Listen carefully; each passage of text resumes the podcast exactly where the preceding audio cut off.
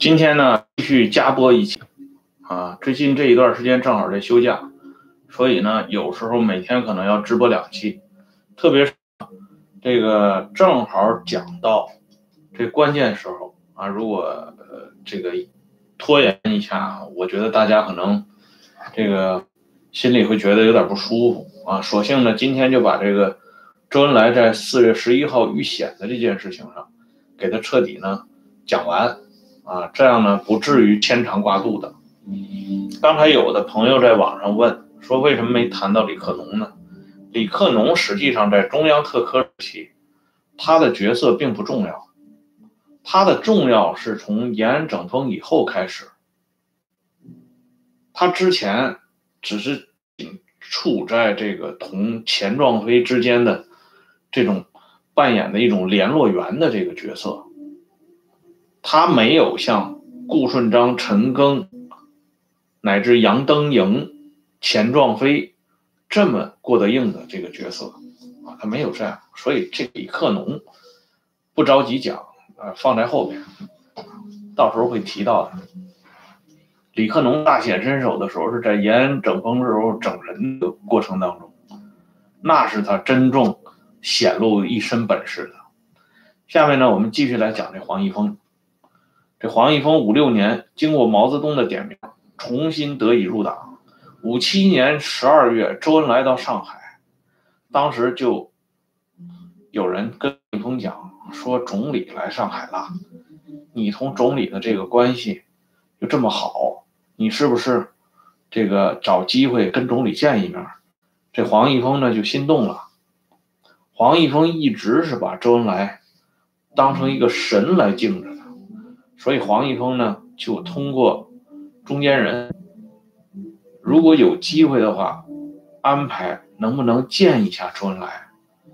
但是呢，黄一峰内心也是惴惴不安，因为他知道自己犯了错误了，感觉脸上没光。周恩来会不会见他呢？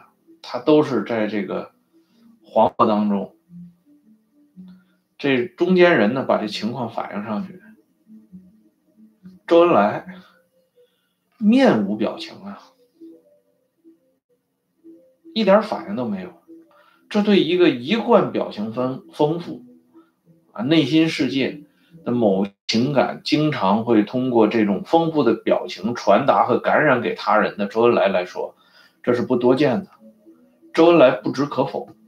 当然，这片翻过去了，所幸是这个中间传话的这个人，应该说这个人很够意思，他没有把周恩来的。这个面无表情的这一面呢，告诉给黄一峰，他就是说这个事儿呢，恐怕是办不成了。总理这一次来的很匆忙，接下来他可能还有别的事情要处理，所以呢，就下次吧。这黄一峰也很理解啊，因为自己是戴罪之身呐，而且周恩来本来就是李万基嘛，所以这么一个勤政爱民的总理，见不见他，他觉得很。不必过多想，其实也恰是因为这个中间人做了这么一点工作，以至于后来黄一没有自投罗网。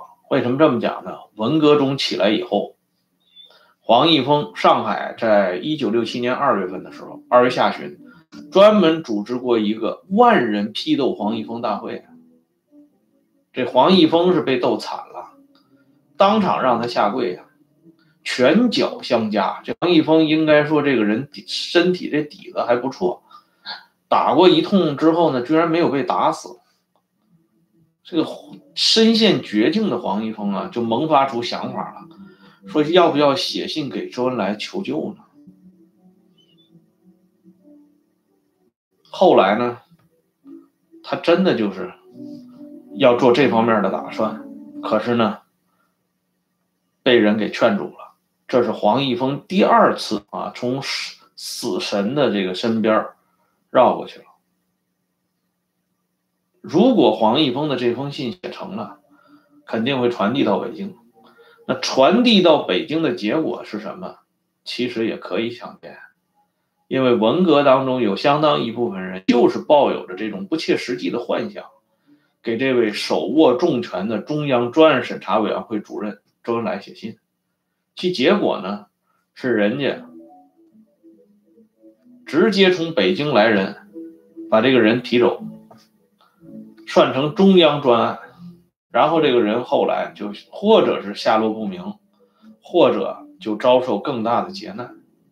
当然，我们无从知晓这幕后的黑手是不是这位中央专案审查委员会主任干的。但是我们知道的事实是，写信比不写信更糟糕。某种意义上说，可以说是自报家门，撞上枪口。这黄一峰没有写信，救了他自己，也挽救了啊他和周恩来之间的关系。到了晚年啊，已经被解放出来，重新又做到这个局级的这个干部的黄一峰呢，向来访的作家萧岗深情款款地回忆起上海武装起义期间最难啃的骨头——华北啊。周恩来问黄一峰能不能拿下，黄一峰斩钉截铁地说：“请总指挥放，一定完成任务。”周恩来重重地拍了一下黄一峰的肩膀，那真是一切尽在无言不言中啊！那对黄一峰器重，那真是无话可讲！后来黄一峰救了周恩来，周恩来握着黄一峰的手，双手紧握黄一峰，上下使劲的摇晃了几次，啊，那眼光中喷射出的那种感激之情，让黄一峰晚年还有所眩晕呢。他对萧岗回回忆了这些啊激让他激动不已的场面，但是在黄一峰晚年，也有人告诉黄一峰，一九五七年周恩来没有见他的这个真实的情况。不过这时候的黄一峰思维已经有点跟不上节奏了，这个人就是病的已经很厉害了，所以留在黄一峰脑袋里边永远是那位。高大、伟岸、亲切的周恩来的形象，当然这个形象也留在啊，除包括黄一峰在内的很多中国人的心目当中。这是黄一峰。接下来再讲一下潘宜之，因为黄一峰咋说啊？人家周凤岐也好，撕裂也好，人家本心没有想加害周恩来，黄一峰不过是。被上级派过去接应周恩来的这么一个，如果说黄一峰救周恩来这个话有点过，但是真正救周恩来的潘宜之，这是一个真正的救过周恩来的人，他的结局是什么呢？潘宜之在清党里边搞得很热闹啊，后呢还迎娶了一个怀孕了的这个女共产党员叫刘遵一，这个在网上大家都能查到。彭树之的未亡人陈碧兰晚年回忆，也谈到这个潘一之，啊，搞到这个把刘遵一搞到手的这个经历。这个话题我们就，关键是讲潘一之身上引发的一场新贵系内部的著名内讧，是发生在一九三七年，著名的王公度事件。这件事情在新贵系内部那是相当出名的。这王公度呢，一度是李宗仁、白崇禧的亲信，在李黄白啊，就李白黄啊，李宗仁、白崇禧、王旭初，后来割据广西自雄这个阶段里边，王公度是充当了一个重要的角色。李宗仁一度对对这个王公度呢。可以说是言听计从，可是到了一九三七年呢，这王公度就突然被扣上托派的帽子给杀掉了。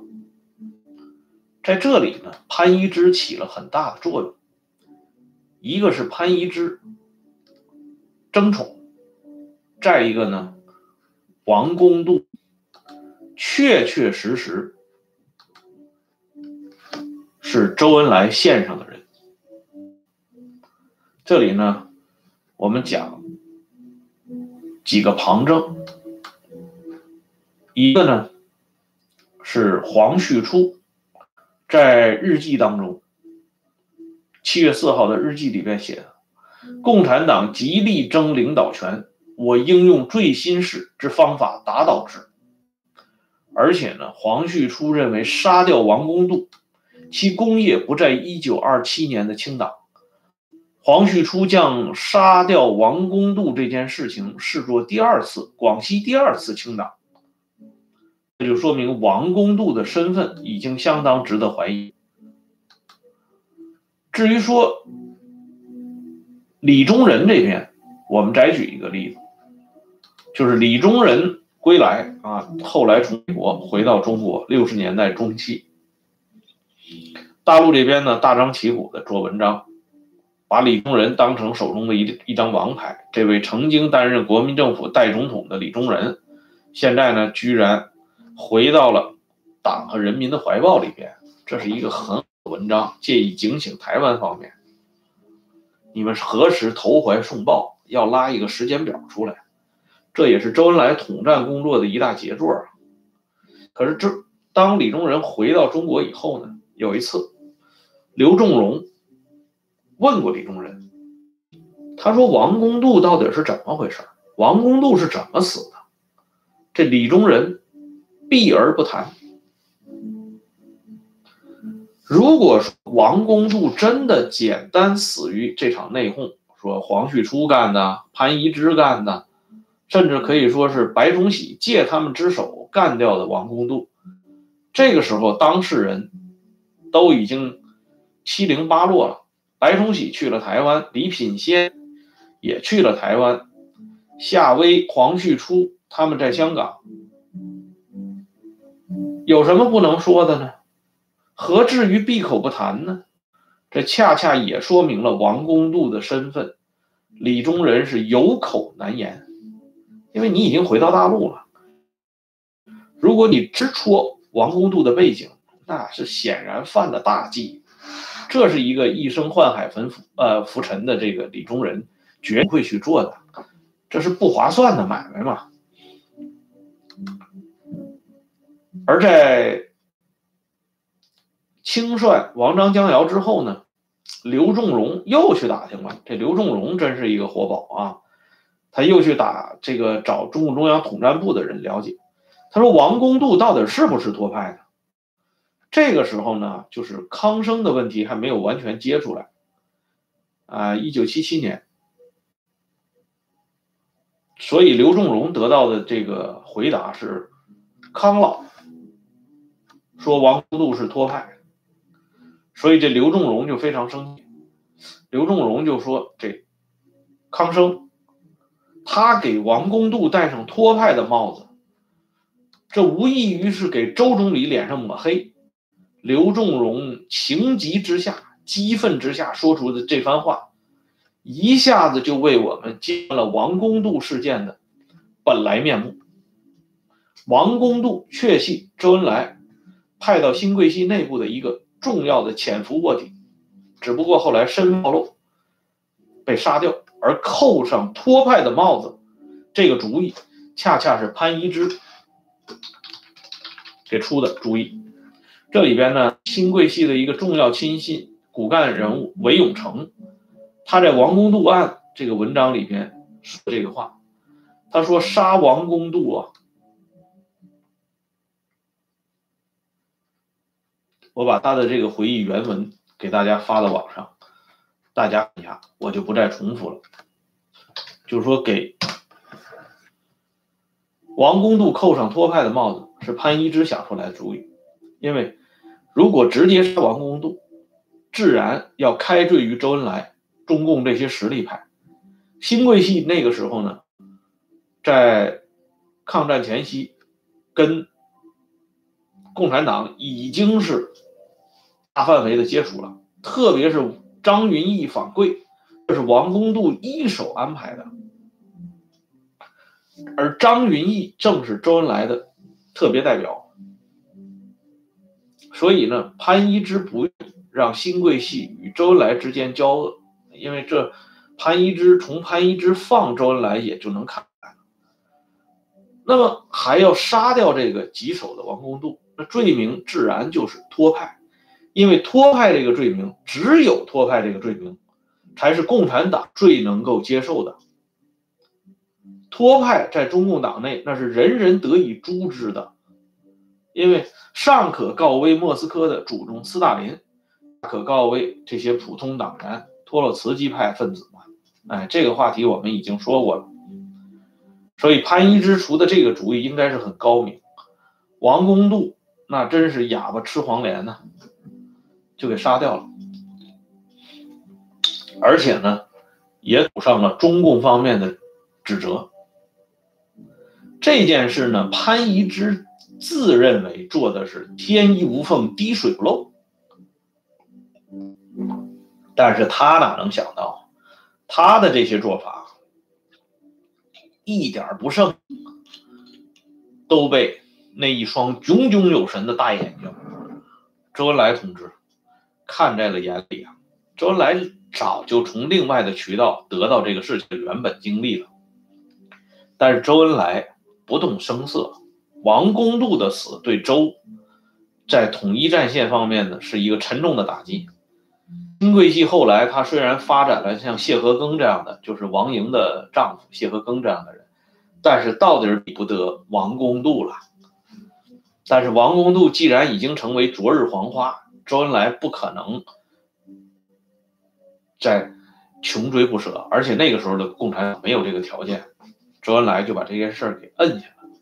一九四零年，国共两党合作的期间，周恩来专门致信给潘一之。那个时候的潘一之呢，担任国民政府经济部次长、政务次长的潘一之收到周恩来的亲笔信。周恩来在信中对潘一之当年一九二七年四月十三号晚上在七宝镇解救他的这个事情表示感谢，记。五内永志不忘，这是周恩来传递给潘一之的信息。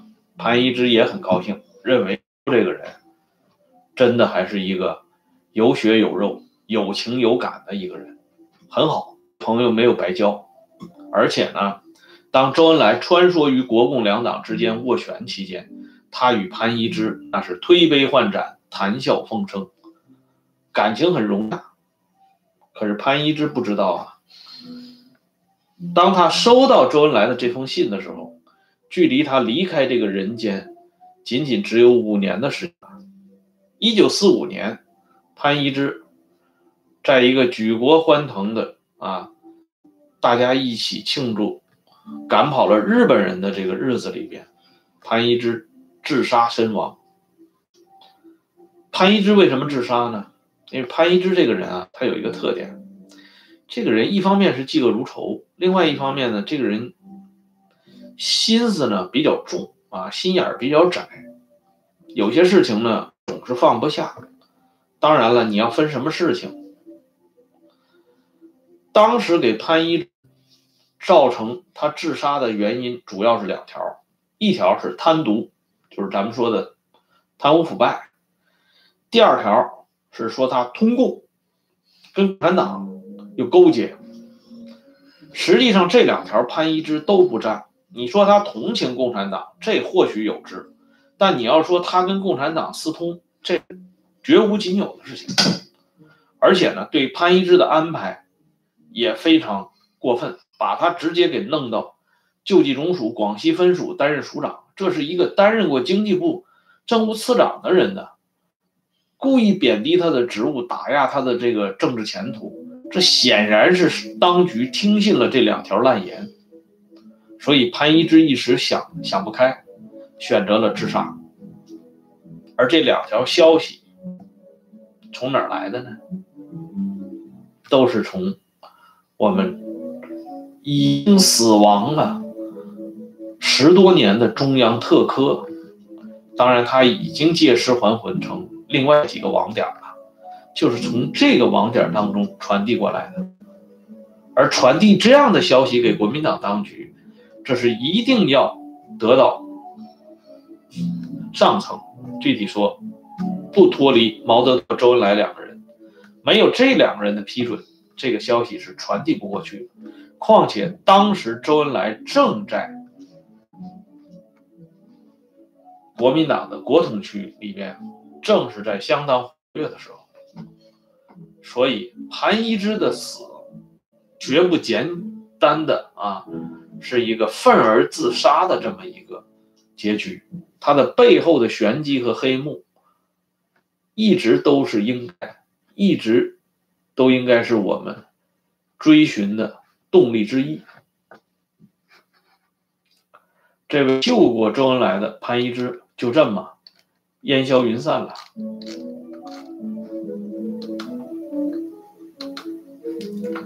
而还有一个人，我们要重点介绍一下，就是周凤岐，在四月十十一号晚上到四月二号早晨。当时二十六军当家人周凤岐，如果没有周凤岐的允准，周恩来是不可能出现在撕裂的那个第二师师部里边。如果也不是啊，如果不是周凤岐的同意，周恩来也不可能那么轻松的就跟随着当时叫黄成敬的黄毅峰以及顾顺章等人，坐上那个小汽车，又回到了这个罗亦农的办公地点。这周凤岐是起了一个重要的作用，但是，一九三八年，周凤岐被军统特工人员暗杀。当然，起因是因为周凤岐落水，但是周凤岐的这个落水呢，后来还有一种说法，说是周凤岐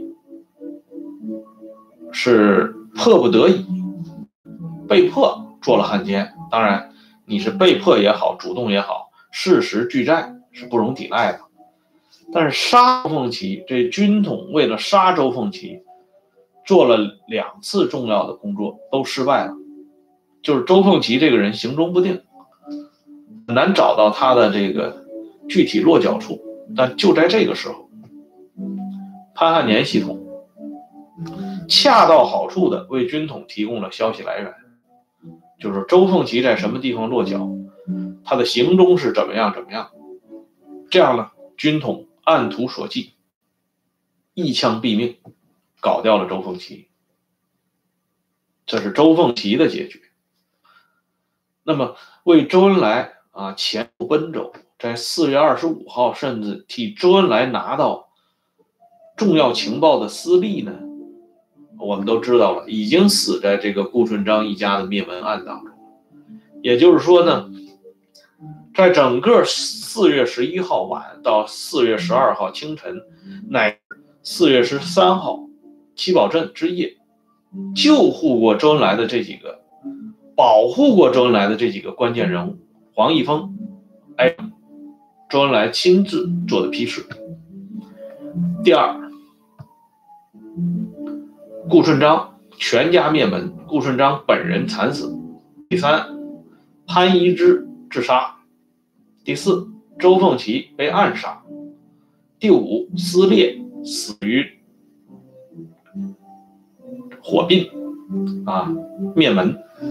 就说这五个关键人物，都可以说遭到了不同程度的厄运。除开黄毅峰。侥幸逃脱一死以外，剩下的四个人都不得善终。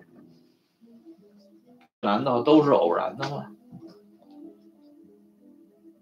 有的人啊，在讲，在回复说周和毛，他的这种程度毕竟是不一样的，或者说性质是不同的。我认为这种观点是比较浅显的，没有什么区别。就像后来梁启超的儿子在在讲述毛周的区别似的，一个是逼人跳井，一个是劝人跳井。那你说这个逼人跳井和劝人跳井这件事在本质上有什么特别的不同吗？有什么本质上的区别？当一个人啊已经被上级决定必须去死的时候。他绝望啊，他无助啊，哎，就在这个时候，一个道貌岸然、宽和温厚的人走到你跟前，跟你叙家常、叙往事，进一步的了解你内心的这些委屈啊、心曲，乃至了通过你了解到你家属的情况，还有你的剩余价值，你知道什么呀？你都愿意在这个最后的时光里，统统倒给这么一个和你倾诉的人，知道。然后呢，这个人百对你进行百般劝慰，啊，并且呢，郑重其事的握住你的手，告诉你要经受得住革命的考验，去死啊，经受得住革命的考验。而且是无辜的去死，被冤屈的去死，在他们看来，这叫经受的革命的考验。我就想问，这样的革命的考验，天底下有多少人愿意心甘情愿的去接受呢？呢，就是通过这个人的做工作，你内心会升腾出一种前所未有的升华感。你觉得这个不是去窝窝囊囊的死？而是负有一种特殊的使命，啊，用有的人话讲，修个来生吧。你死好像你还有奔头，所以这种劝人跳井，跟这种逼人跳井，我就想问，他有什么样的区别呢？一个是真小人，一个是伪君子，你一定要在真小人和伪君子之间找到一种平衡，一种安慰。我觉得这不是有点阿 Q 吗？所以通过我们讲述的在四一二清党前后这三天发生的这些咄咄怪事，我们再来管窥一下这位周恩来的为人，很多事情不是已经很清楚了吗？然而呢，这还只是小菜一碟，今天现在讲的都是开胃菜，大餐还没有送上来，真正的大餐就是在顺章的身上。要知道，上海三次武装起义，特别是第三次武装起义成功了吗？这是争来的开山之作啊，就是说他的一个重要的政治亮相。上这种大城市，在周恩来的手中被拿下，这在当时啊是相当轰动的事情。这里呢，我往再往远一点给大家讲。李立三主持中央日常工作的时候，当然李立三是前台主持，实际上背后是周恩来的。李立三在中央工作的时候，他曾经在这个会上慷慨激昂的对与会者说过这样一句话，他说：“等我们拿下武汉，我们再告诉第三国际吧。”这李立三自己都把自己感动够呛了，而与会者呢，几乎无不动容。觉得咱们这个党太厉害了，分分钟就要把武汉这种大城市拿下来，然后咱们再告诉第三国际，让他们有惊喜。可是你要知道，三十年代的武汉能跟上海比吗？而且你是集全党之力去夺取武汉，你是用正规军去夺取武汉啊，人家周恩来不过是用了工人啊，工人纠察队呀。人家就可以拿下这个整个大上海，这是什么样的力度？啊所以周恩来在上海搞的这场惊动地的武装起义，其威力其实啊，要比南昌兵暴厉害的多，影响力大得多。而周恩来在这场武装暴动当中，能够取得如此辉煌的战果，正是得力于顾顺章其后奔走。但是历史却不允许我们知道顾顺章在当时所扮演的角色和起到的作用，以及造成的影响与后果，因为这个人已经被周恩来彻底的从史书的夹缝当中都给抹掉了，不留一丝痕迹。周恩来对顾顺章的灭门可以说是斩草除根呐。虽然顾顺章的孩子留下来。